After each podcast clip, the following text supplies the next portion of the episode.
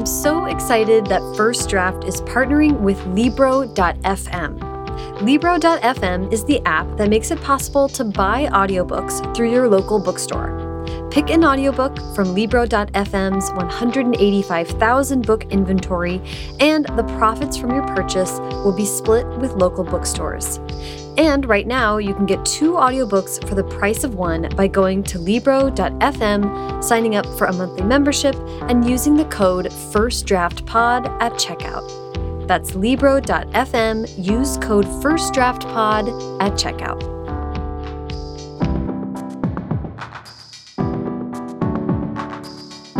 Welcome to First Draft with me, Sarah Enni.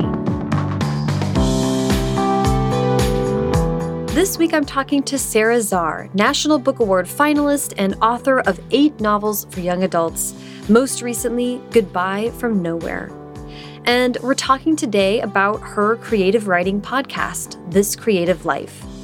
We're actually talking about This Creative Life and First Draft. It's really kind of Sarah and I breaking down how we came to start our podcasts, how they interplay with our creative writing, and the value of attention and the art of conversation, and kind of how all of this non writing creative activity interplays with our uh, writing side. It's it was such a fun conversation. Before we get into it, though, I do just want to make a note up top that some things have changed since Sara and I had this conversation namely that we both have left Substack and will no longer be using that platform for either podcasts or newsletters. I've communicated with my newsletter subscribers about this already, and in a recent episode of This Creative Life, Substack, and Failure, Sara explains her decision making process as well.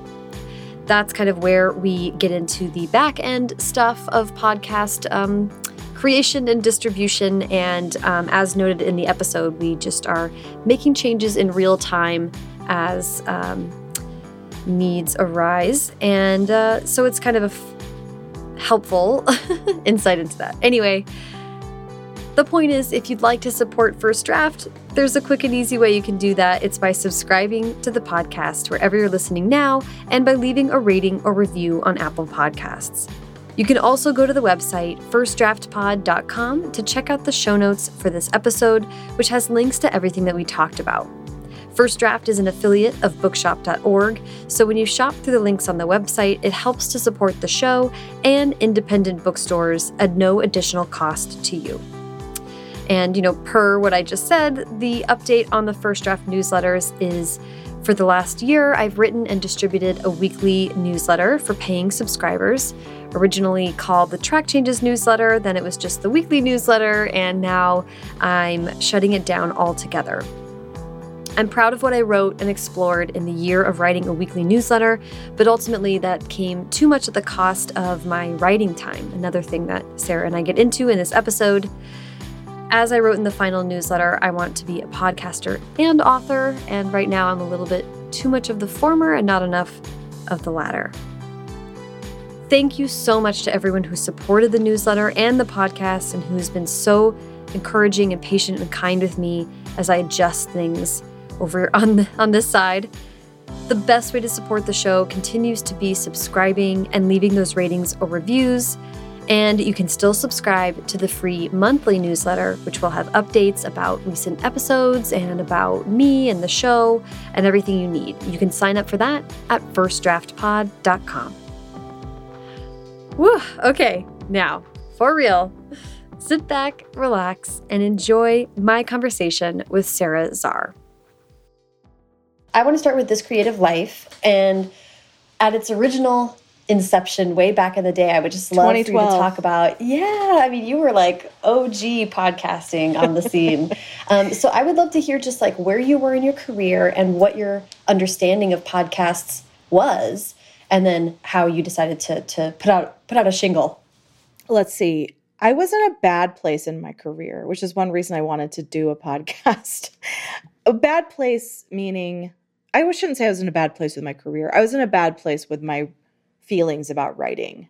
Mm -hmm. and having trouble writing. And I was in a bad place personally. Like I was having kind of a personal crisis. The original inception of this creative life ran from 2012 to 2015. Mm -hmm. And it mm-hmm. was like right in that time where I was leaving one publisher and starting with another and it was and then the personal stuff it was just a lot and i just wanted mm -hmm. something to do and i loved you know how they say like write the book you want to read i felt like make the podcast i want to hear because i would listen to interview podcasts and i love the interview format.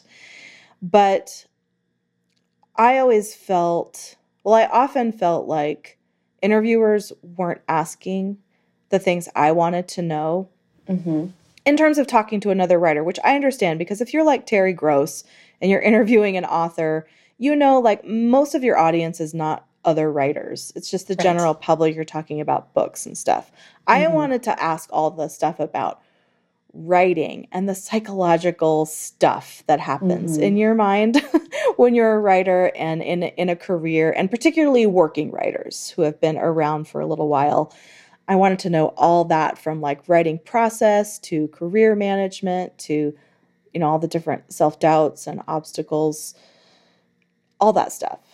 And there were some podcasts that were getting more into that, like Marc Maron's podcast. He'd go there sometimes, but there was a lot to wade through on his podcast to get to that. yeah. You know what I mean? Um, Three and a half hours of chatter. yeah. And just like a 20 like a minute, 20 minute introduction. yeah, yeah, exactly. So yeah. I was just like, I just want to do like a succinct interview podcast asking the things I want to know, talking to other writers. Well, the other thing was like, I knew my favorite thing about going to conferences and trade shows and stuff were the nights where after everything is over, you and a bunch of writers go sit in a hotel bar and just talk shop. I loved it. That's when I felt most connected to my identity as a writer because in your I don't know, you have a lot of writer friends around LA I have a yeah. fair number of writer friends around Salt Lake, but in your just sort of day to day life, in my day to day life, there wasn't really anyone who was a writer and understood all of the things that go through our heads all the time and like, what do we actually do when we're working? Yeah. Um, so I loved those conversations and I was like, why does this only happen like twice a year for me or once a year or less if you're like in between books or you're just not getting invited to conferences right. for whatever reason? And so I was just kind of trying to recreate that experience. Yeah, I love that. The thing I remember when I was, because uh, my, well, and I'll also I'll do my part because it's, it's, supposed to be the both of us. Like yeah, yeah. What was your? sorry, I'm not doing my job. No, no. Yes, no, it's okay. yeah. What? Where were you with your stuff when you started yours, and why did you want to do yours? Also, in a bad place, not feeling um, I mean, I started in 2014, so I was a couple years behind you. And when I started the the story is like very bleak, but basically I was like in living in DC with my husband. I had a book go all the way to acquisitions uh, at a big five house, and then it was a no from the publisher. Oh man, rough, so rough, and and like was really presented to me as though like this was a done deal and then was like actually just kidding. So that was really rough and then like 1 month later my marriage was like on the rocks and 1 month later we took this trip together like those it's like a like a short story. it's like a vacation we never should have taken that really sealed the deal and we just at some point in the trip we just stopped talking and we just listened to podcasts. Was it supposed to be a save the marriage trip? It wasn't even that. It was just planned. It was. It had just been planned, and then things got so bad that neither of us. It was a game of chicken, and then we just went on the trip. Oh man! So, so, so all you did was listen to podcasts. All we did was listen to podcasts, and that was all I'd been doing at home. I'd been taking this long walk to this. I still have actually very romantic and loving memories of, of this long walk I would take to this wonderful coffee shop to write.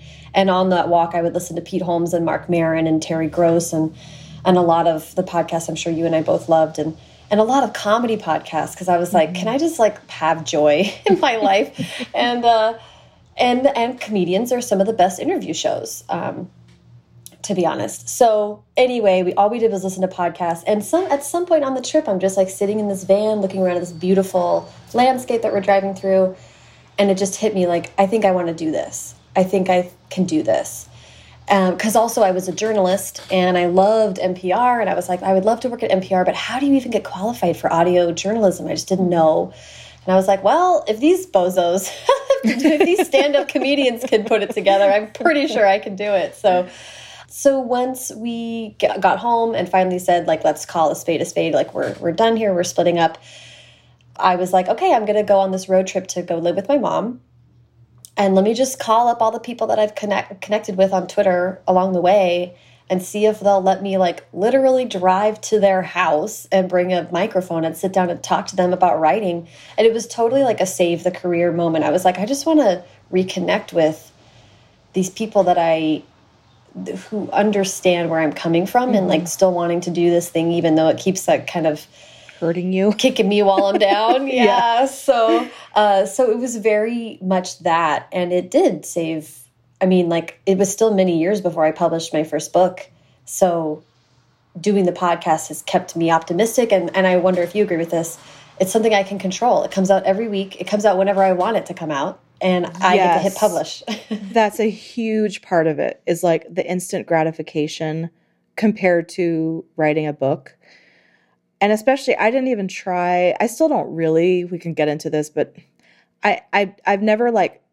promised a schedule of mm-hmm. my podcasts, and it's just like they kind of tend to be a couple times a month. Mm-hmm. During the beginning of COVID, I, I had a, a whole bunch really fast in a row. And like maybe a smart person would have been like, I'm just going to like space these out in a predictable way. But I just, like you said, the control thing I just wanted something that was all me.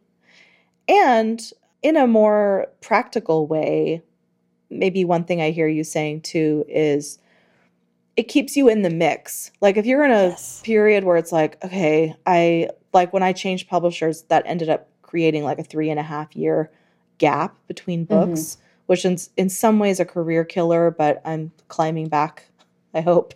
But it just kept me like in the mix I'm someone in this community. I've done a lot of good work. I'm going to do more good work in the future. I'm not literally have a book out right now or for the, you know, a couple years, but this is like going to keep me in the conversation yep. in some in some way. And and not only not only keeps other people thinking about you, but keeps you engaged, right? Exactly. I mean, I think Exactly.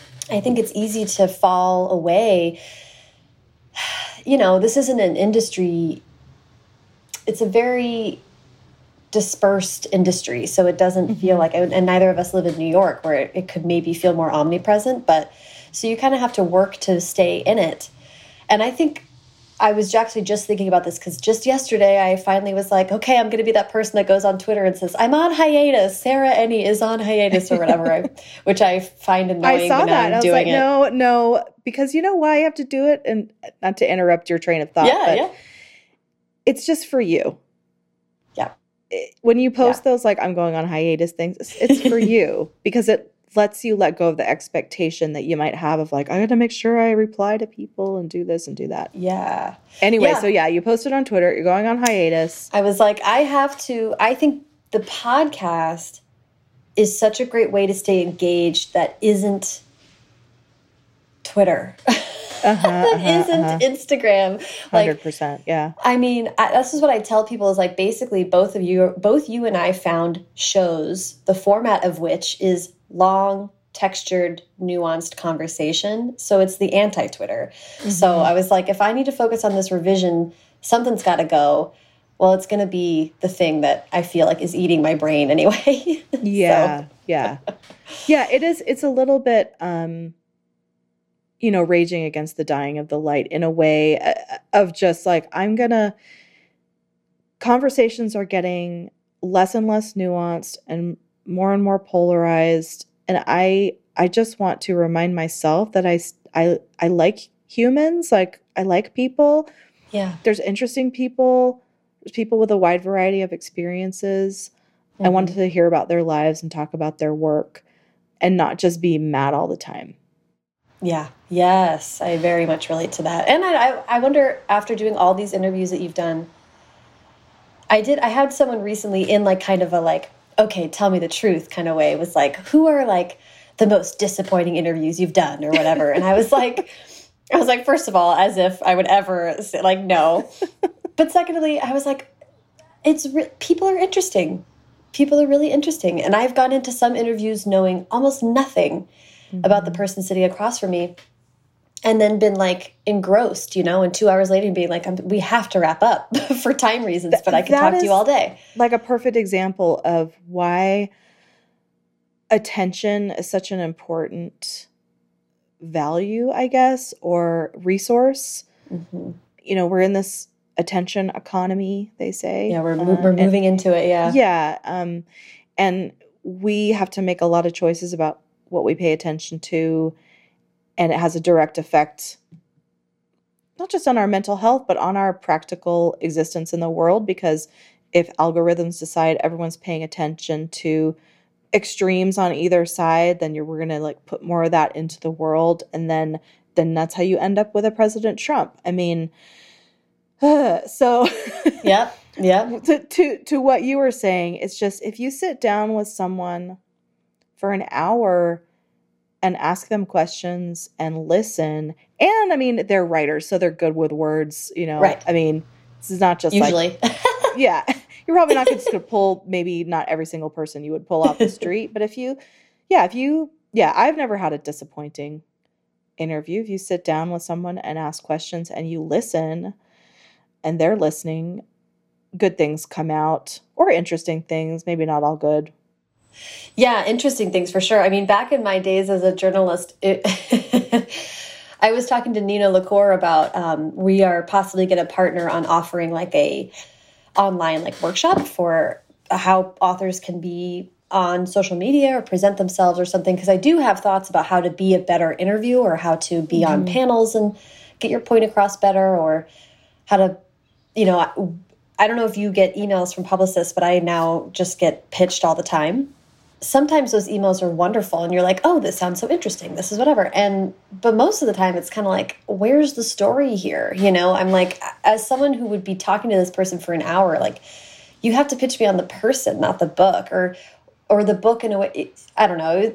I've just been having a lot of thoughts lately about this, I guess, where I'm like, it annoys me when authors use as pre-publication promotion like character cards or things about their characters. And i'm like i don't know these people. I haven't read your book. Like the whole mm -hmm. point of mm-hmm. our podcast is most people listening will not have read this book. Yeah and they probably honestly won't ever read your book. So right. what do you want to say about you as a person and a writer? Why did you write this book? What connection yeah. do you have to what's going on in this book? What ideas are in this book? And that to me is what what I plan on hoping to tell people in this thing with Nina is just like, you got, what are your ideas? What are you grappling with in this book? You got to know, first of all. And, and as someone who writes books, I'm like, I know very late in the process what I'm actually grappling. But then you do Same, have to know yeah. when it's published, mm -hmm. and uh, and you have to be able to talk about it. And those are the things that make people interesting, personal stories, personal connections, ideas, and that's it's yeah. not it's not easy, but it's also not above or beyond anybody's ability to do that. But mm -hmm. yeah, the only interviews that have gone a little awry is when I was like, oh, this person isn't as comfortable with this yet. This like talking about these mm-hmm. intense things that they put in their book. And um, that's been interesting. But I'm oh, wait, sort of I'm, the reverse where like the yeah. ones that have been less successful to me, not disappointing, but just less successful are when I can tell they're focused on oh. the content of the you know the book. Yeah. and, because they do perceive it as an opportunity to promote their work which is yeah. fine. I mean but that's like that's not why i go on other people's podcasts. It'll be presumably um that's the purpose of it because it'll be around when a book comes out. But like i don't i can talk about the book for a few minutes but i'd rather talk about ideas and why they matter Yeah. so when I sometimes I can feel a guest is stuck in these are the talking points my publicist gave me to, to talk about this book, and I don't yeah. care about that because that's another thing is I don't. um People will offer like, let me send you a copy of the book so you have enough time to read it before the podcast. I'm like, oh, I'm not going to read it. like I just unless I was going to read the book anyway, I don't. I don't read books for the podcast because I, I'm slow. I have my own reading tastes it's just one of those things about being a writer where you know all your friends write books and there's just lots of times i'm i just I'm friends with that person because of who they are as a person, not because of the books they write and because they're other writers and they no matter what is in your books, writers understand writers, I think. So yeah. that's what I'm interested in. Um, I don't care about books. That's the takeaway from that's the pull quote. No, no. Sara doesn't care about books. That's not what I'm saying.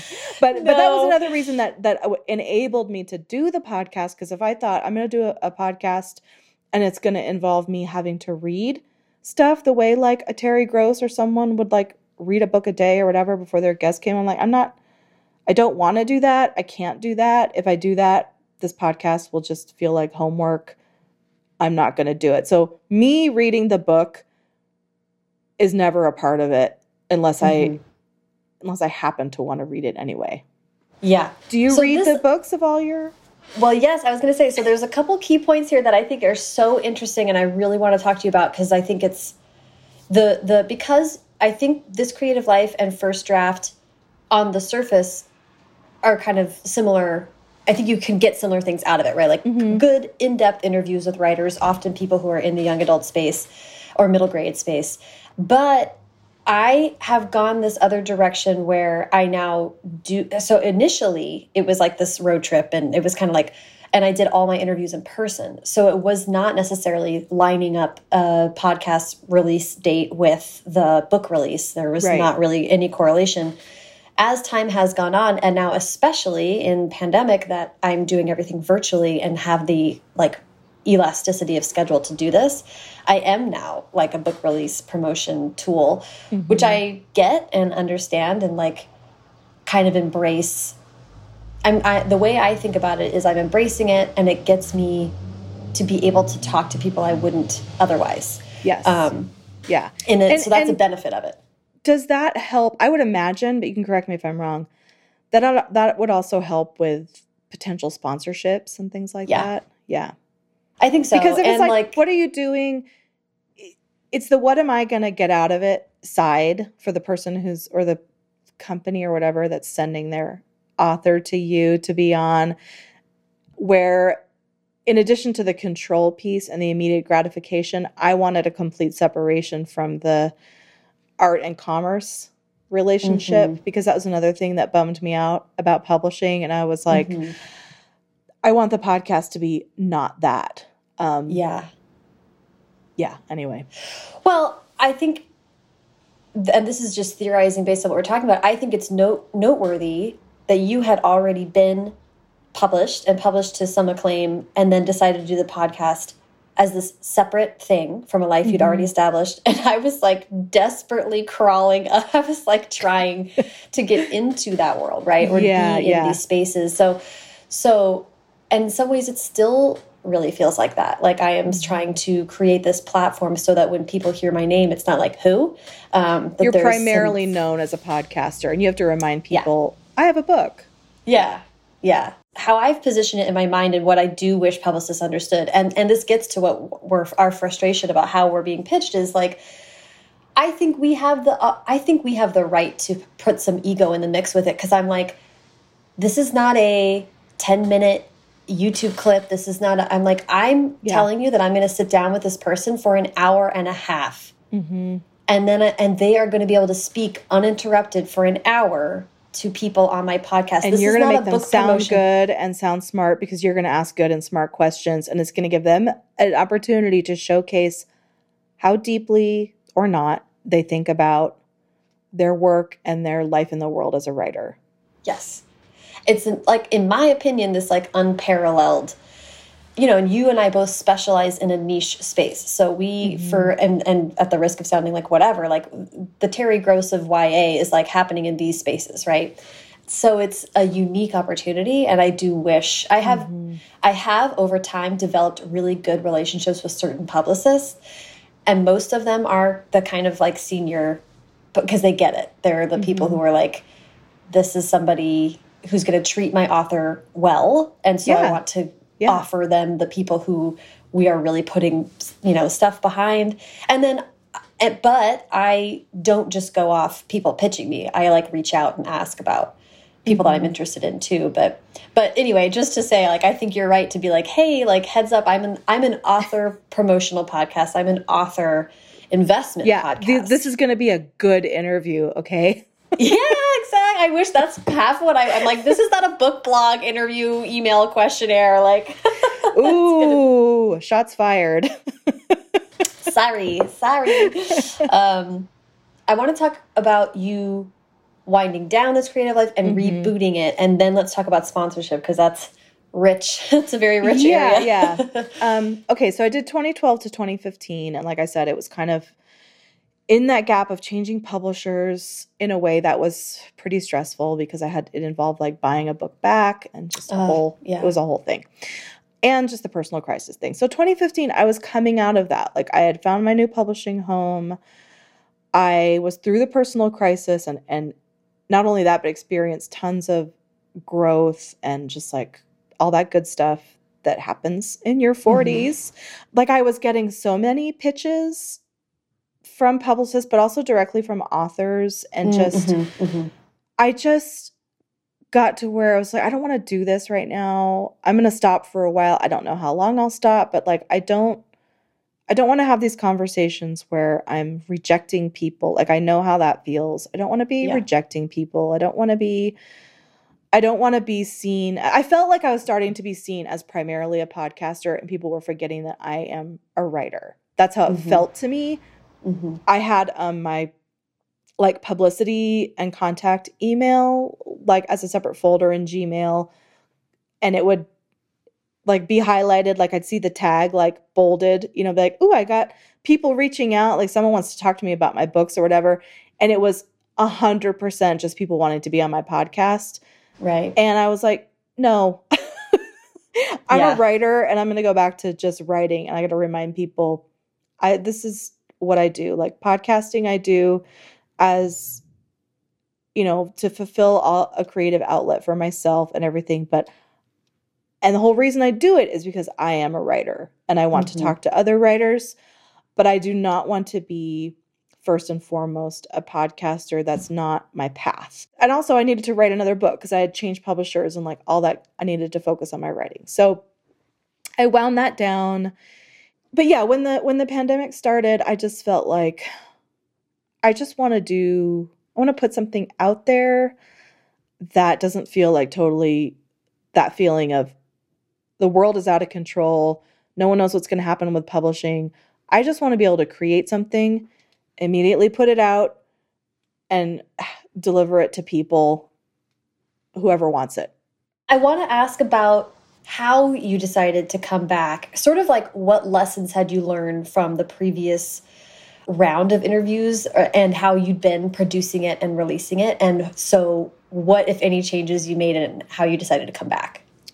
one one was the original episodes if anyone goes back to like the first permutation which you can't because now i've put that behind the paywall just Oh, as right, an right. experiment it we can talk about that when we talk about the monetization but um the episodes were never like more than a half an hour because the way that i was doing the feed was through my wordpress website Uh, and they had a file size limit that was about 30 minutes.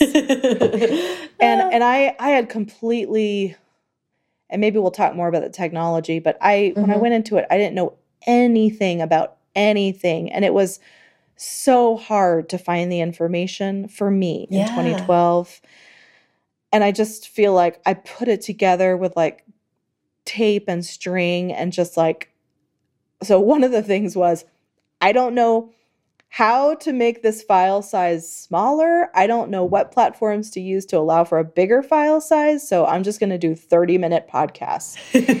And then when that changed and there were just, I figured out finally, I figured this out toward the end of the original run of like getting signed up with Libsyn and like Mhm.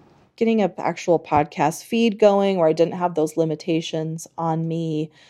Then it got longer. So like getting having longer conversations was a big one. Mhm. I also in that time while I was away realized that you know, all new models of monetization had come up. Like Patreon was a popular one. There was also, um, I guess Patreon was the main. Yeah, the main it kind of one for a became the default. Yeah. And so I was like, I'll try that. I mean, I'm not gonna. When I did the reboot, I'm like, I'm not doing any special content for subscribers. I'm not giving any premiums. I'm just gonna give people the opportunity to support it financially if they want. Mhm. So I did that for a while. And that was okay, but uh, Patreon's controls, the interface on the controls, like I just found too fussy and like I couldn't once someone became a patron unless they actively deleted their patronage, which people don't want to do because they think you're going to take it personally you know, which I understand. I I still subscribe to Patreon things and I don't really want to, but like I don't want them to see. I so I get it, but at the same time, as a creator, I'm like, I, just do it. I understand. You have to, whether it's unsubscribing from a newsletter or canceling Mhm. patronage or subscriptions. I do it all the time. I'm constantly unsubscribing from newsletters because I get overwhelmed in my inbox. Like I'm not going to take it personally. Take away your three dollars a month. I don't care Yeah, exactly. but I can't like I can't I still have my Patreon page up because I now have a whole batch of episodes where I'm like, find us at patreon.com slash this creative life. right. And I don't want them to go and there be nothing there and just be like, I don't understand, whatever. So so I can't while there's while the thing still exists, I can't delete patrons. So I keep sending emails like, don't forget, like you can cancel your patronage if you want. Like I've moved over to Substack if you want to. But but then I was just like, you know what? People maybe they just still want to give me their four dollars a month or whatever. So I'm just gonna leave the Patreon up. I took down the options for new signups, but the ones that are good. existing, I'm just Just leaving. it and like roll. yeah, so then I moved to Substack, which has more options. And then I am offering some premium episodes for subscribers, but I'm doing it in a way because I had promised all through the reboot when I started Patreon, I was like made a point in every intro and outro. I was like, everyone gets the same podcast. It doesn't matter if you subscribe or not. This is, and I want to stick to that value and that promise. So every This Creative Life episode that's like me talking to a writer about their work is all still on the main feed. I'm never going to put that behind Mhm. paywall current episodes. But I did, so some things I did for subscribers was like put the 2012 to 2015 episodes locked for subscribers only. You can only comment on Substack if you're a subscriber. No one seems to care about, about that. I know Um, commenting isn't so much of a thing there, no, but they don't really care. And I'm doing like I had retained the audio rights to one of my books, the little nonfiction book, Courageous Creativity. So I'm doing little audio episodes of that. And then I was just thinking about an idea for when that's done. I know what I'm going to do next that I think will be pretty fun and maybe get more subscribers. So for me, like to answer your question from a minute ago, no, I'm 100% still in the hole with the podcast by many thousands of I mean like I haven't even done the math on how much because Yeah. it's been so long and I yeah. just and I don't want to know like um but it's a long I'm I'm I have always and will continue to keep it's like a long game the Yeah. podcast but but what has happened over the last couple of years is some interest in uh, sponsorships. So especially like starting in like tw 2019 and to this day, I've reached out to some people and some people have reached out to me about sponsorships for the show. I had the, talk about. I can't imagine your hunt for this information in 2012 about how to do a podcast because even in 2014 it was like a real It's very know. opaque. a strange i was like what reddit am i on but um now it's it's really hard to get information about like here's how you set up creating your own structure for sponsorships or here's how to mm-hmm. price it out or here's whatever. So anyway i did a bunch of like actual research and then a bunch of like soul searching about like what is it of value to me? And but then you know to your point earlier too there's a lot of booktubers who are making a living doing booktubes and stuff and i was like this is absolutely just as valuable to an author as that in my opinion so I'm going to price it accordingly. Yeah. Um, and people Yeah. have agreed to that to the numbers that I put forward, so that's meaningful. So that's really picking up steam, and I think that's actually going to be a good thing for me going forward. Like it'll start to at least cover the cost of producing it, because that's the other thing that has happened for me is for the first many years of the show, I was recording and then I was doing GarageBand editing Mm-hmm. on my own and pushing it out. And that I am not an audio editor. Editing is so it is the most anyone thinking about doing a podcast, that's it's the most labor intensive. It would take me like six hours to do one Yeah. episode. Yeah, that sounds right. Yeah. And and it was boring. You know, it's just like you've already done this conversation and like do I I often like listening back, but at the same time, it's excruciating. It's Yes. like you're going, "This is a good conversation," and oh wow, that was insightful, and you're making the show notes and stuff. But you're also Yeah. like, "I have 20 minutes left of content." That means like two hours left of editing. Yes. Yes. So so I have now for the last like three three at least years hired a producer to do every episode. But producers producers are not um certainly not free. They are worth every penny, but they are not free. And that's But how do you now the let go biggest of expense. the control issues? Because I've thought about that too, and I'm just like, I want final cut. I'm like an editor who's like, I demand final cut. I want total say over the X, Y, Z. So what I've done is managed to maintain an enormous amount of control anyway. So like my process is I do the conversation with the author, then I go listen to the conversation and have open my Google document of show notes. Mm-hmm. So while I'm listening to the conversation, I'm making editorial notes in a document like cut after With this sentence, timestamps, okay. pick back with timestamps, and also filling in the show notes at the same time. That sounds labor intensive too. It's incredibly labor intensive, but I, the not having to click and drag, I can't even tell you, or look at those little waves. I yeah, mean, yeah, that's true. and also it's just one other set of ears. So I'll be like, mm. Callie, like if you hear something else here, just like let me know, and Callie will jump back in and be like, yeah, you know, the blah blah. So it's nice to have like a teammate. I'm like, if this sounds good to you, then at least there's been someone mm-hmm. else on on it before it goes live. In keeping with becoming more of a book promotion podcast, I have started reading all the books. Mm. Not Oh, all right. the books, but I've Yeah. made At least skimming them. much more of an effort to Yeah. get the books and to read the books before I talk to people. And I'm experiencing a crunch right now. Like it's that is hard to keep up with. That's Yeah. hard to keep up with. How are you? I, I know you're a bullet journal person, or you were for a while, I don't know if you still are, but how do you Yeah. manage your time so that you're like, I'm allocating this many hours to podcasting, this many to my writing, etc. Um, I'm really struggling with it.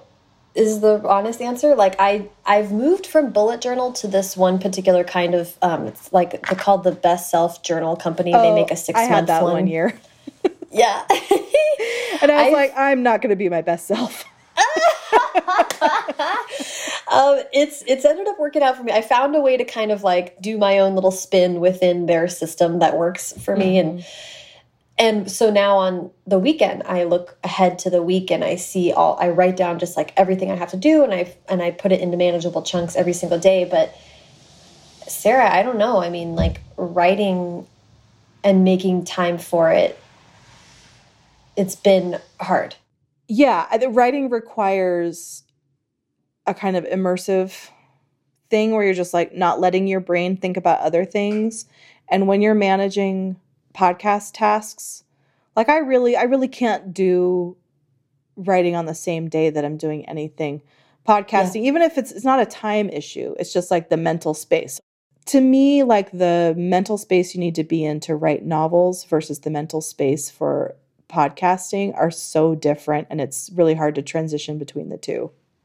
Yeah, I have found the same, and something I'm trying, and we'll see if like this works at all. Is um, I started using Acuity scheduling, and it's been like like total exploding brain useful Game because changer. total game changer in time management because I was allowed to put it allows you to say like what days will you what days are you available So I was like, mm-hmm. Mondays and Tuesdays are going to be my podcast days. I mm-hmm. have these hours. And then I set it up so that when publicists or authors, when I'm communicating with them about being on the show, I can say, here's a fill out the form. Yep. Any Monday or Tuesday between now and when your book comes out, whatever works for you, fill it out. Once they pick a time slot, Acuity knows I only want to do one interview a day. So then that day gets blacked out. Mm-hmm. And it automatically creates a Zoom meeting for us and then sends an email to everyone being like, great, this is the day of the schedule. Okay. Here's the Zoom link. What is And it fills out my Google Calendar. Yeah, It's what is amazing. Acuity cost? Because I have just started using Doodle and it does about 5% of what you just said. I mean, it does like the main thing, which was I just wanted to avoid a ton of back and forth emails. But I don't think it's as smart as Acuity. So what's the cost on Acuity? Uh, I forget exactly, but I will get that to you. It was like I'm something gonna look it around a, well, it was something about 100 or 125 bucks. Pretty much everything that I Like ended for up the year? For the year. For the Oh. year. It's not bad. And that, so for the podcast, I pay 30 bucks a month for Libsyn. Well, I, I mean, the Squarespace, you know, the Squarespace is like 150 bucks a year. Mm-hmm. Why is it that much? Because I pay the domain and then, Yeah, and then yeah, the hosting for- and the domain. Yeah. yeah. Then Canva for all of my stuff. I use Canva Yeah. to design Yeah, all. Canva's so good. you have to have like a whatever. I was using Later for Instagram, but I might get rid of that because now I got rid of Facebook, and it doesn't really work the same way if you don't have Facebook. And now Acuity, which is already. I've been using it for like a month. It's already more than paid for itself in fewer I gotta- emails and all that Yeah, stuff. I got to switch over because I need that. I need that in the life. amount of emails it saves you the amount of like because so to your original question my concept that i'm hoping to put into action is mondays and tuesdays is podcast day. All the interviews all the the just like kind of like top of mind stuff that you just like to-do list stuff right? Like mm-hmm. that brain that you're using. Mm-hmm. All that stuff gets done on those two days. My hope being that then the rest of the week is like i get a good three or four hours five hours of writing time in and i don't mm-hmm. have anything on the schedule that's going to distract me. I can really kind of sink into that work the rest of the week. We'll see if that ends up being how it works but it's a total struggle. I'm i'm constantly struggling with it. Yeah, it's it's hard. And it goes back to that thing of like how much do I love this and want to do it? And you're you're kind of you're you're in it deeper where now like if you just stopped like you can't stop. I can't. It's like a steam train. And but the thing also, like, I'm glad to hear you say that you want to keep doing audio forever because that's how I feel. And I don't want to stop doing the podcast. I really love it. So it's a matter of mm-hmm. being like, how can it be more efficient? Yeah, how, How can, can you make it work for you? And how can it pay for itself? Like, how can this be something that allows Yeah. me to live my life? So Yeah. there's a few other things in the works. It would take a lot for me to like we were saying get out of the hole that is created over years, but it doesn't matter. It's all just the cost of doing Yeah. business. I mean, whenever I'm Yeah. doing my taxes every year, I'm kind of like look how much I invested in my career as a writer and podcaster. Yep. yes, totally. But you can do it. I mean, for people who are interested in starting their own, like you can do it. There's a lot of ways to do it without putting out cash. And and there is.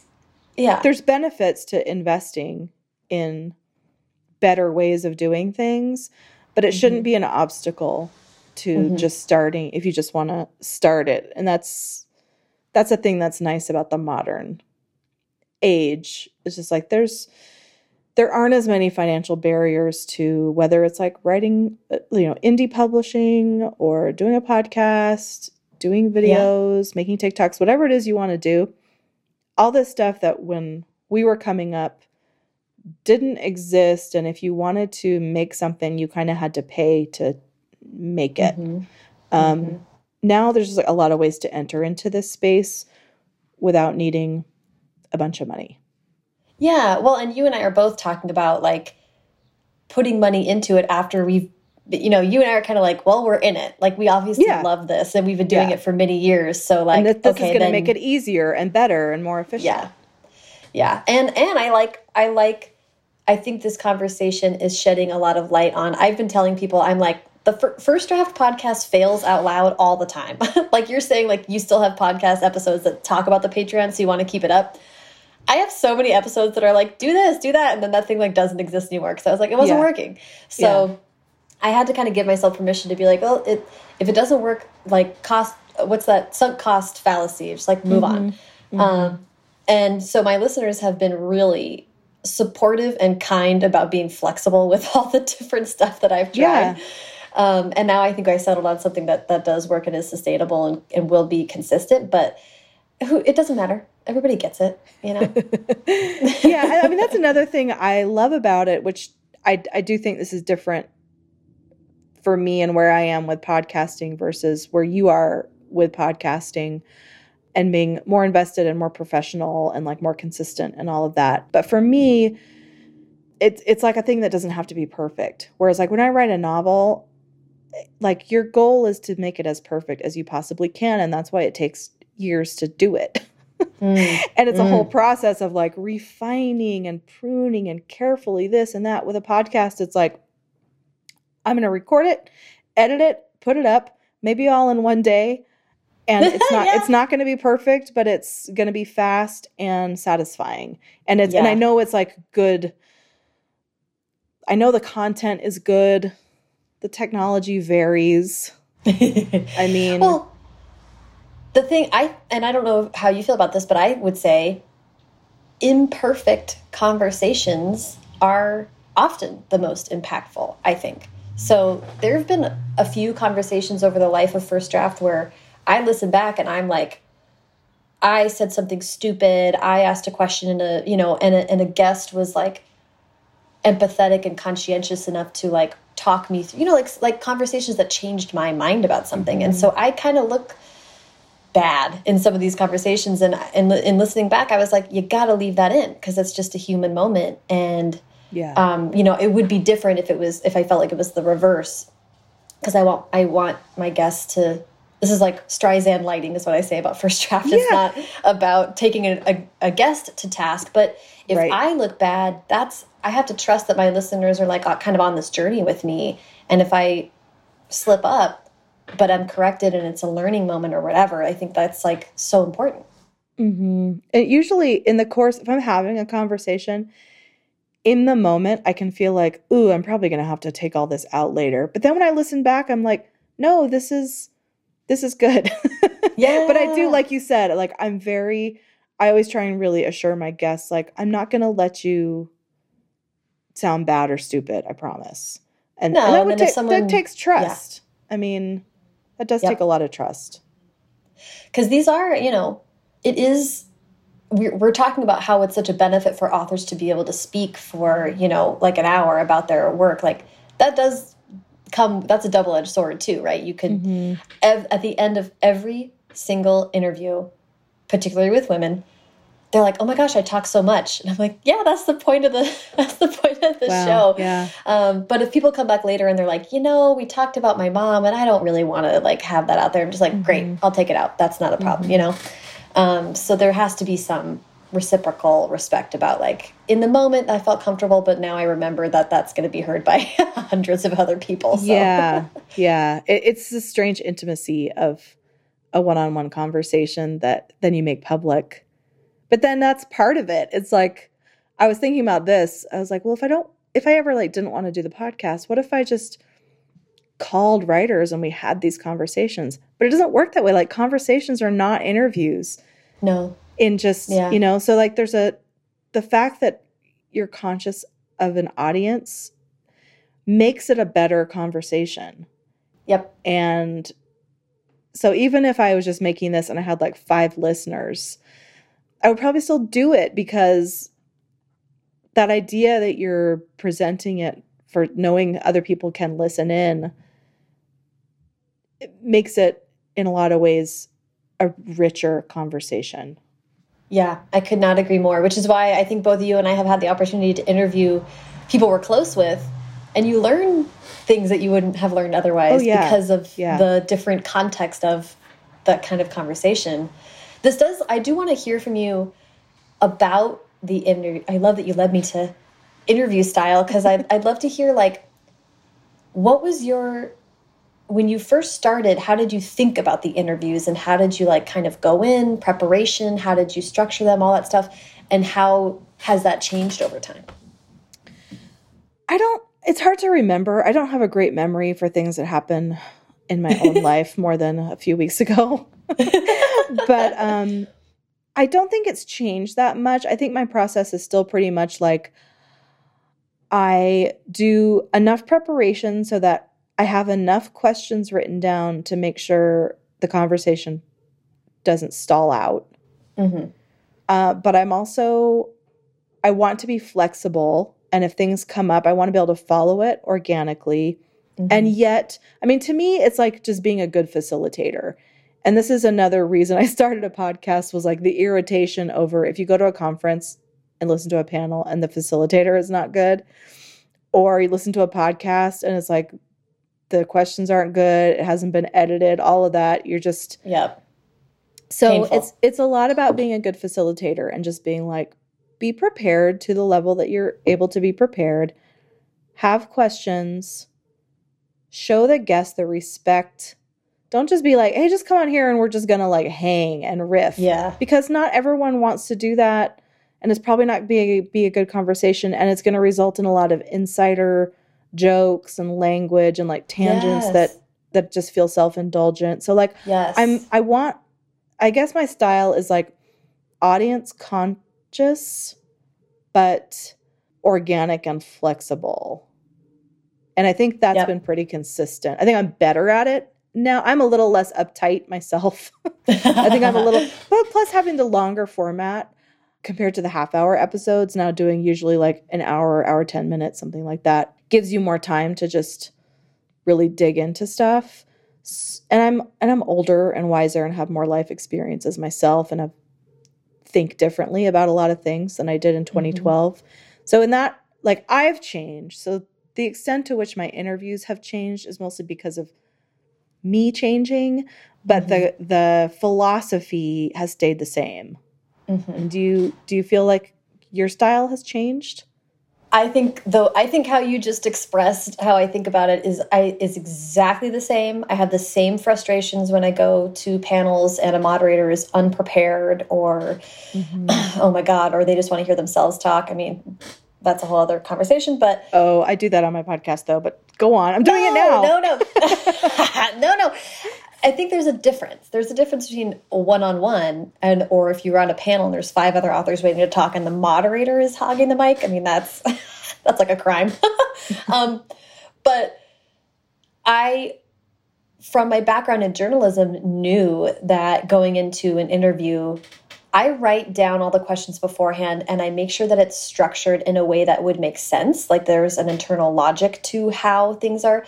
And I will say early on, I stumbled on the format of start with born and raised, ask about reading and writing as a young person, wrap up with advice. And then in the middle, it's like I follow an author's chronological life, and that's sort of what First Draft is.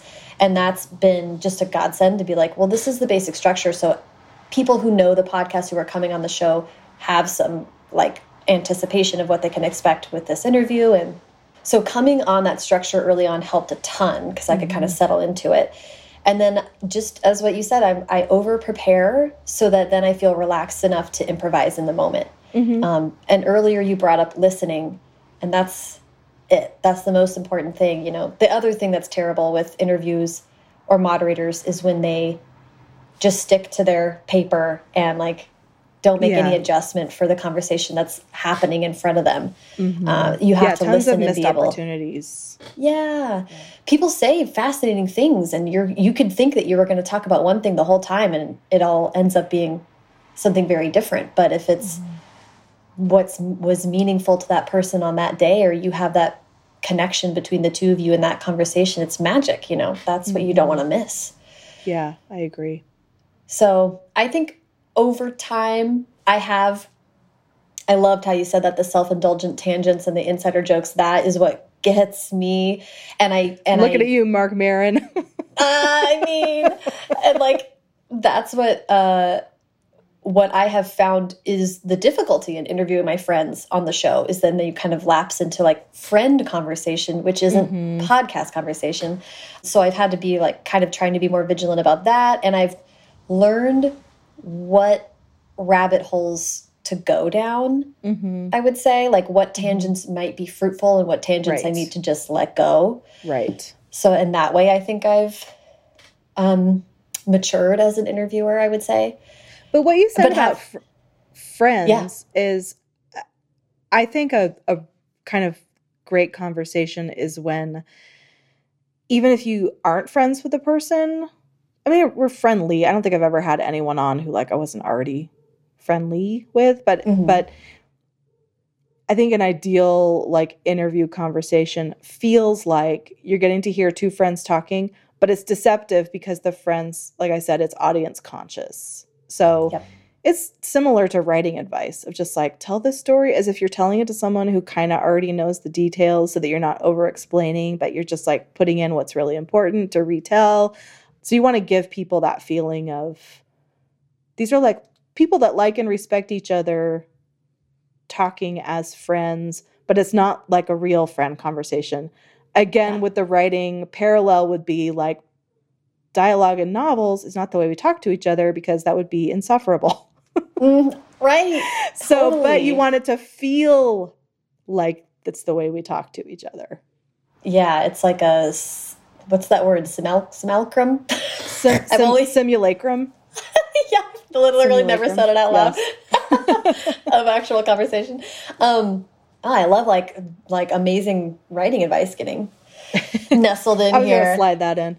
Yes, love it. Um, I wanted, we've talked about sort of why we got into it and how we've grown over time, but I just want to explicitly ask about like, what do you think you've gotten out of doing the podcast over the time? Ooh, that's a good question. It gives me, well, I love the conversations themselves. Like that's I always come off a conversation just feeling rewarded. And I feel whenever I'm done editing an episode, I'm like, this is my favorite episode. And oh, then the oh, next yay. one, I'm like, this is my favorite episode. so that always feels good. It feels connected. Like I as an introvert and someone who's home alone a lot, when I do connect, it's like super rewarding because it's not small talk. Like it's the opposite of small talk. it's like an introvert's dream. We just it, get to be like dive dive right past the cocktail chatter and we're like, tell me about your hopes exactly. and dreams. I mean, I'm kind of like that in real life. Like same. I I could just meet someone at a cocktail party and be like, tell me about your childhood. But yeah. Um, but then I learned not everyone likes that. So I can have boundaries and that's okay. Um, so yeah, I think I get I get that pleasure in the moment out of it. It also gives me a sense of identity of doing something I know I'm good at, which is sometime with writing, like I'm not sure I'm good at it. I mean, after like I just turned in what'll be my 10th book and it's like, I don't know. you know, you just like don't have perspective on your own talent when or or abilities, I guess is a better word than talent. When you're when you're in the weeds with a novel. Yeah. Well, that's but the heart. Whenever I writing. listen back to it, yeah, whenever I listen back to a podcast conversation, I'm like, I'm really good at this. I talk too much. What you were saying about like the self, like I could take, I I interrupt myself constantly, and sometimes I'm listening back. I'm like, God, you're annoying, Sara. so I am still could work on that, but overall, I feel like I'm good at this. I'm I'm good at pulling out people's best, most deepest thoughts about this stuff and I feel proud of it. So that yeah. that gives me something because I don't always feel proud of like my days writing. Yeah. Well, and I think to your point about writing versus the podcast, the point of writing, and I'd love to hear because you because as you say, ten books in, I'm like still really early on in my journey with with actually publishing. But the point as you go is to stay on the growth edge with writing, mm -hmm. right? Is to continue to try to push yourself and and be better. And with podcasting, it's not that I'm not always trying to be better, but the novelty or the difference is that you're talking to a different person every time. Right. So you can bring a similar I bring a similar format, I bring a similar approach to my questions. Now that I've reached a point where I feel good about that, the difference is in the people I'm talking to. So I think that's a good insight. Yeah, I think that's what it is. Is like I don't have to push myself every time, and in writing, it's like the sentence needs to be perfect, as you said. And that, yeah, and you're like hard. ripping your hair out. Whereas, like with the art of conversation, you you're not going to get like exponentially better and better and better all the time at just having an hour long conversation. Like there's Yeah. going to be kind of you're just going to be like I'm I'm good at this and Yeah. that's great and that's enough. There's a bit Um, of a and it's always different like you said because the guest is different. So I'm not like pulling uniqueness out of my ass every time like I feel like I sometimes have to do when I'm writing. Um and every individual person is such a special snowflake. And i say that with all sincerity. It, humans are amazing and complex and unique individuals with their own specific experiences. And that is what keeps it interesting. Yes, I, I wholeheartedly agree with that. And I think, you know, I, looking back on this, on Panny, on our year in Panny, I think that's something, you know, because I've been living alone most for most of it. And though I have like rich text chains with a lot of friends and I'm always in some form of communication, just having these in depth conversations, you know, there hasn't been ALA or BookCon or Comic Con or any of that stuff that we usually get to kind of dot our year with, but being able to consistently have these conversations and meet new people yes uh, has been like a total blessing and a total just like tether to reality over the last year. But I think that's always what the podcast serves for me is just an opportunity. You know, one thing that's I've brought on not only a producer to help with the show, but I do have someone that helps me with social media. And something that's hard is I've now become an encyclopedia of my own project. So like I know like it's a one-stop shop in this brain, which is why I still do the show notes and stuff like that because I'm like, "Oh, and this person I talked to and this it's like yeah you're making the connections Yes, and I can say like now in the show notes I recommend like if you like this um, interview, here are a few others that that you also might like. Which because I have this backlog that I don't know that people understand how big it is, but it's every single conversation is so in depth that I will always remember it, yeah and that's different from yeah other conversations you have. It's just so concentrated and intense that I'm like, no, I know this person. I only talked to them one time, but I will they will remember me and I will remember them. And that's really mm-hmm. special. yeah i agree It's it's been a good thing. I yeah, I mean, like we were saying at the beginning, there's something about the audio format in an age where everything is so text based yeah. and relationships are so text based Yeah. that speaking to people it does feel special. It feels I was going to use the word sacred and maybe that is the word I want, but I don't want to like be too precious. That's for Krista Tippett on on Ah! being. That's Ooh, encroaching on love her it. territory. but but it does feel it's like the thing I was saying about attention, like taking an hour to just like recognize the humanity in another person and in yourself and creating this little energy between you that's gonna people are gonna listen to and go like oh man i needed to hear that thing today. Yeah. um, that's another thing that's meaningful for me about it and why i don't if it, like you were saying with publicists like if they just pitch me this story you know and like plots of books just start to sound like mad libs and it's like yeah yeah yeah. I've read a Oh lot of God, books. I know i know what you're i know i know what this is about. I don't need to read this book. But what's what people are going to take away from a conversation why it's valuable to listeners Yep. Listeners don't need to hear the plot of a book they may or may not read Right. listeners need to hear i'm not alone in like my struggles with writing or like i'm not alone in how i overcame a hard childhood to do something meaningful to me or i'm Mhm. not alone in like caring about stories to this level Mhm. that's what's meaningful for them not like what book is coming out um, so that's fine if that's an entry point and it's a good entry point but then like what are you going to say Yeah. beyond that Right. Because you cannot do that for an hour. Yeah. you can't yeah. you can't do your media blitz for an hour. Um, but the other thing that I have found, and the reason why last year I did track changes was I think the other thing that people really I'm interested in what you hear as as feedback. Something I've heard over and over again as feedback from listeners to my show is almost incidentally over the hundreds of episodes that I've done, people get the they can feel the kind of parameters of the publishing industry because it's so indirect. Our industry is so opaque and odd, and there's so many different ways that things can happen. I mean, you just mentioned earlier buying a book back. I mean, that's not infrequently done, but we don't mm. talk about it that much. No, so, no one likes to talk about that.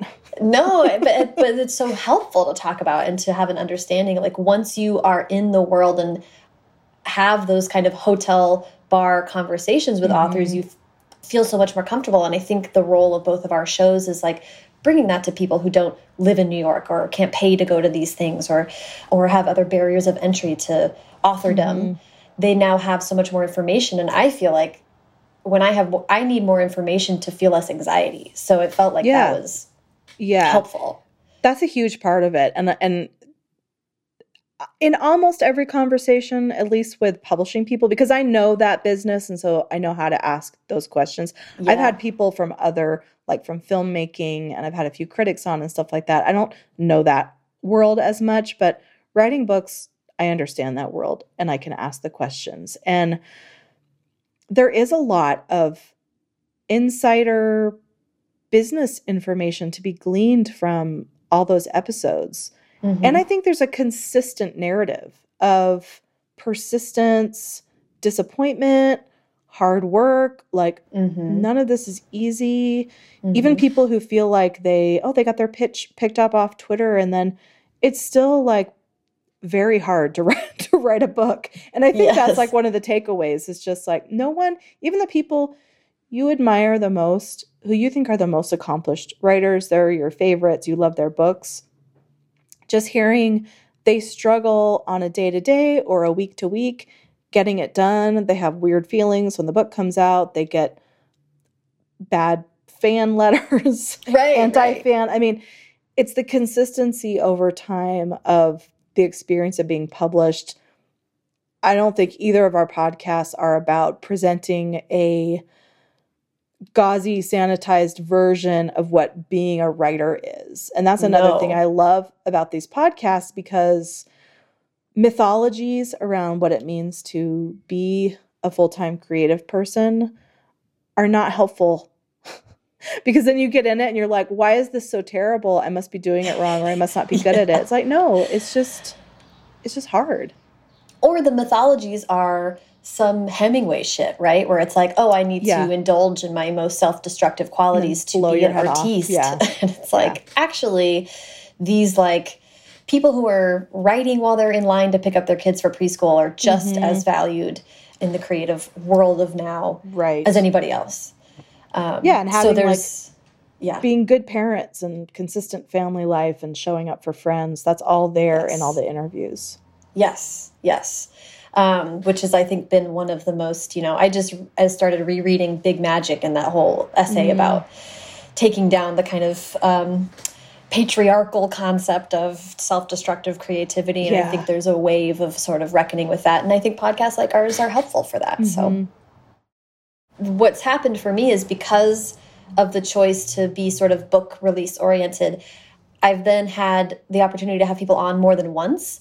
So it's at, at this point, there are yeah. some people that you can hear how things have over changed time. for them over time, which is something I'm really interested in doing. I, I, I, want there to be new voices on the show, but man, how cool to be like, well, Laini Taylor, like what has happened in your, you know, life? Yeah, there's been several, I think about that a lot because I haven't had any repeat guests yet, except mm -hmm. for my agent but I have like interviews from like 2012 or 2013 with like Gene Yang or Jenny Han, yeah. who like in between like Netflix deals, MacArthur Genius grants, like mm-hmm. yeah, like I want to like let's let's catch up yeah. with these folks that like in the interim have like won awards and mm-hmm. become showrunners and gotten genius grants.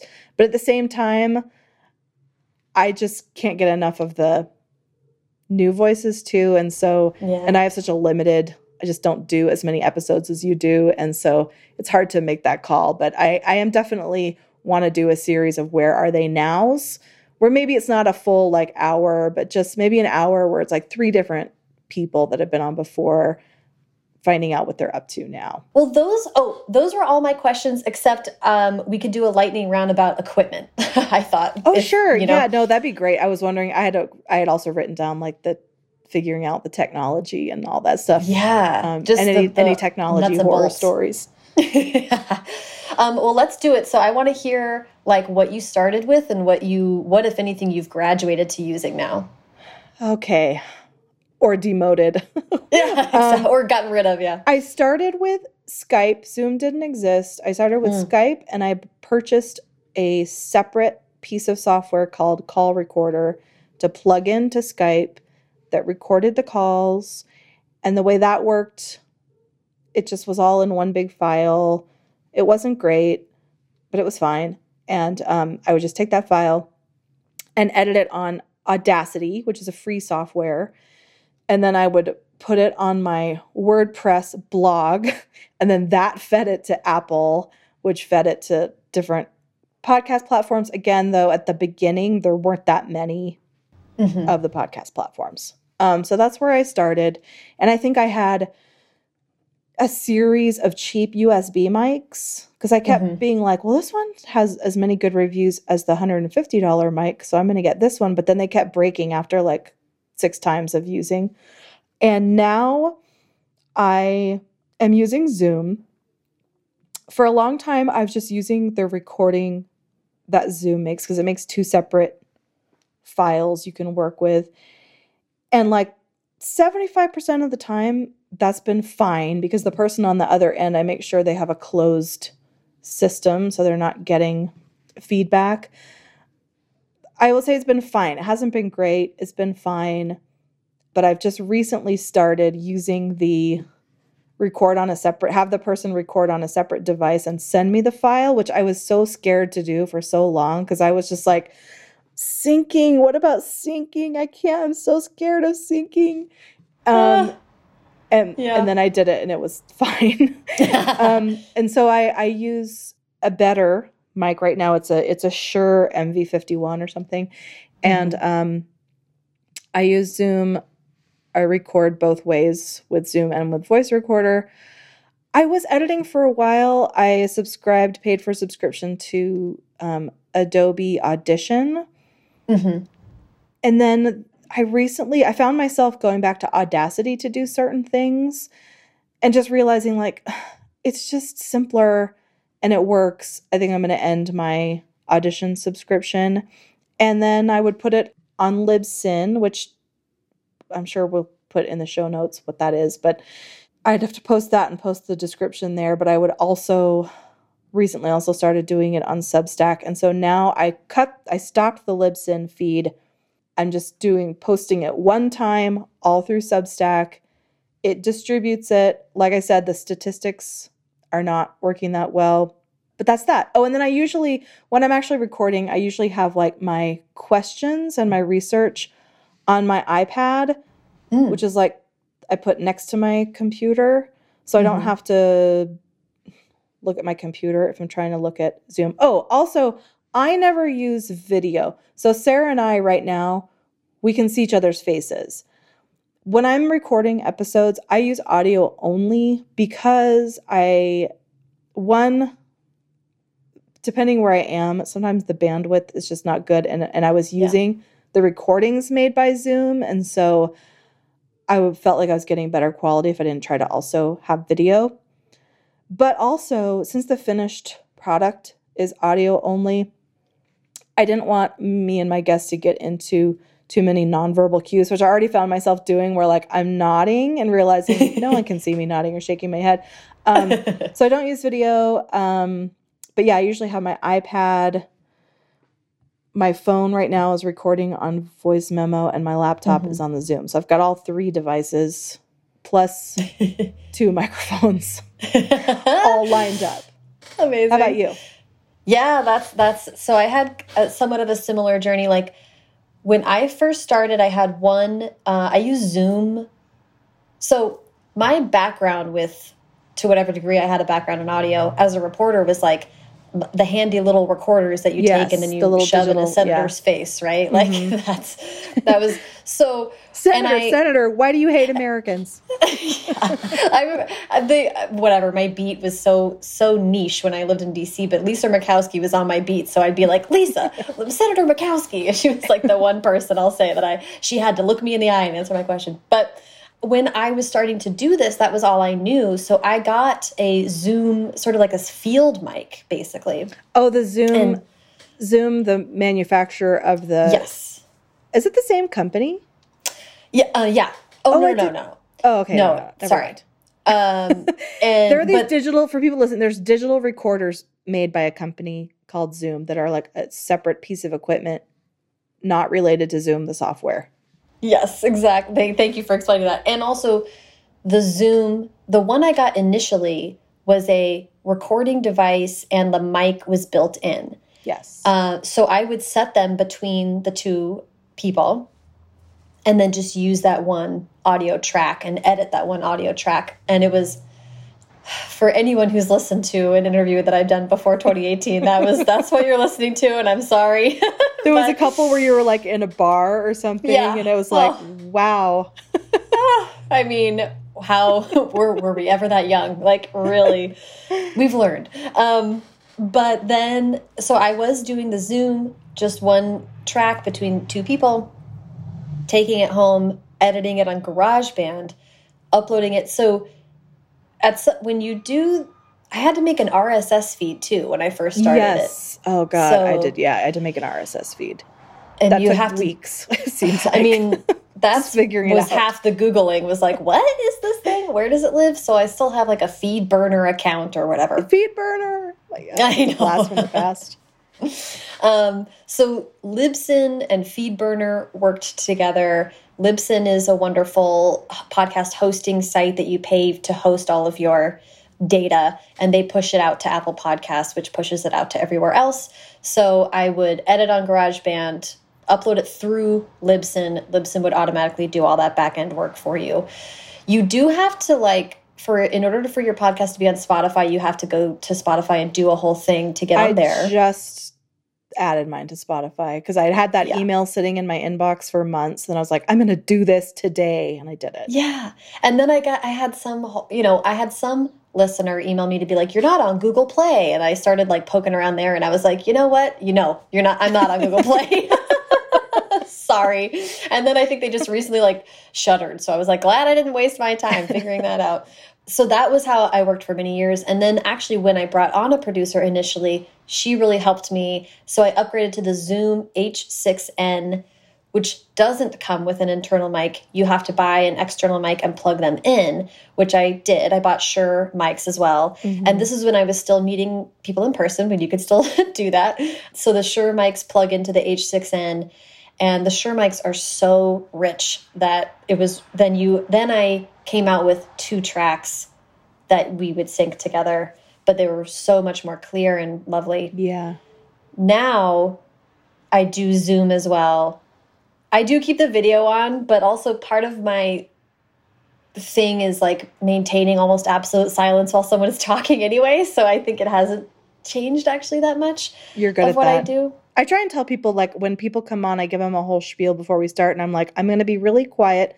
You're going to think I'm like disconnected, Right. but I'm just trying to not- not go mm-hmm, mm-hmm, mm-hmm, uh-huh all the time. yeah. well, and that was an evolving thing, right? Like when Right. after years of listening to yourself, you will pick up on tics and then try to address them. So I think I say um less. I think I say you know less. I think I'm more comfortable with pausing and letting myself figure out what I want to say and not feeling the need to like stumble along nonsense string of words together to get to something. I hope anyway. Those are things that I think about all the time now. So now I go on Zoom, I talk to the people beforehand to be like, come ready with your phone, record it on your phone, and then you can either do like a Google file transfer or they can WeTransfer it to you after the conversation. But honestly, I don't know if you found this, Sara. It's I know a lot of people were really hesitant to ask their guests to send them the file just because you don't want to make work for your guest. Mm-hmm. Oddly, I have found that asking things of your guest makes them more involved. I, I think they appreciate it more if they have to do something to help this thing come to fruition. I don't know if, if that's true or not. That's good to hear because I've I've only just started asking people to record their own side because I would if I was feeling really low and self-critical, I would like lay in bed at night and listen to other podcasts and go like, "Oh, I know this I know I'm as smart as this person. Why does theirs sound so much better than mine?" And I was like, I got to do that separate recording thing. So I only just started doing that. And the one person who I did have do it, he did have trouble figuring out. He had to like go make a Dropbox account. It was a whole thing. Oh man. But um but it was fine, but I'm glad to hear people are used to being asked. I'm just going to start asking cuz it does give you much better results.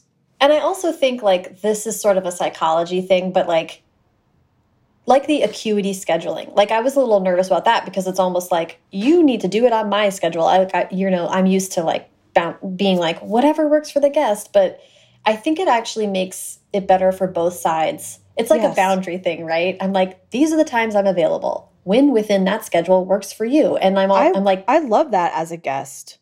Yeah, because exactly. No one no one enjoys going back and forth with 16 emails trying to find a time that works. No one likes that. And you're both saying, just tell me what works for you. And neither of you will say it. it's just, you know yes. what? Here's my calendar. Pick a time. Yep. Yep. And then I think the same thing about like being upfront by being like, here's what I need you to do. Join the Zoom call with headphones on, record your side. I'll talk you through it. Then I'm going to need you to email it to me afterwards and blah, blah. Oh my gosh. This is bringing me to the number one difference of things that I'm using. Airtable is this spreadsheet I don't even know how to describe what it is. It's like really I saw interactive. You tweet a picture of that once, and I was terrified. I was like, should I be doing Airtable? What is it? Could I understand it? What is it? It's so intense. So it's like this way of making spreadsheets that is it's just a data management software. It's it now runs my life. Like Airtable is like the god that I will pray to morning, noon and night. Like I'm obsessed with this system, but it's a high uh, uh, what's the word threshold of comfort with how it works. But now that I'm in it and I've customized it to what I do, everything lives on Airtable. Everything. I have all of my episode calendar on there. It's got all the information. And now it connects to Acuity. It's like this like galaxy brain, like, ah, everything's organized. But I love spreadsheets. So this was like oh. a I'm thing for the that listener, I was obsessed listener, with. I'm shaking my head. That's smart. And I shouldn't, I would say that everything along the way that scared me when I finally try it, I'm like, oh, I can do this. Yeah. I mean, people would laugh if they saw like the somersaults I went through every episode to like get the theme music in and fading out exactly where I wanted right. to go because I don't want to just record a set introduction because it's a little different every time. So like yeah. what I go through to just drop in the theme music, that's where I go, if I had a hired producer or editor, they would this would take them two seconds. They'd have a whole system. but it's like I'm reinventing it every two weeks. I'm just like, oh, I gotta put in the theme music. But everything I've tried that I've been scared to do, I figure out and I do it. And that's that's another thing. You ask like what has it given you? I it's very rewarding to me to know I got this idea. I wanted to do it. I knew nothing about it. I figured it out. I Mhm. executed it. It is now a thing. Yeah. And I'm and that's like gives me a sense of personal accomplishment. Maybe this is just a thing for me, but often when I look at starting something, I'm like, I'll buy all the equipment and read all the books and then I'll do it. It's like, no, don't. Like start at the lowest end of something and then build Yeah. your way up with based on your needs, you know, because you don't need to buy big fancy equipment. You really That's don't. good advice. Yeah. Because I also you have that shouldn't. tendency, but I didn't do it. I, like I did just start with everything that was free and available. Yeah. Yeah. And then then you know what's like at some point I was like, I do want to buy nice mics because at the beginning of podcast life, I was like, oh, those audio snobs and audio quality, it's about the conversation. And then three years in, I was like, nope, no one has no one should have to listen to this.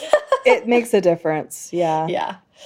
Yeah. And then So, have you had any technical disasters that stand out? have I had any technical disasters? or or Well, lost entire conversations? Oh my God. Gratefully, I will say I have not lost entire conversations, but you are bringing up a good point, which is data management. And that's part of what Airtable did for me was helping to enable that. I have always been so paranoid about data management. I've always carried an external hard drive with me and immediately transferred the original audio files. I mean, I have the original audio files for every single interview I've ever done and I keep them on this one. Now I'm scared. It's like in my fireproof safe in my bedroom or whatever. but um, data management is a is another part time job that's tacked on top of all of this. Just because I don't want to lose anything.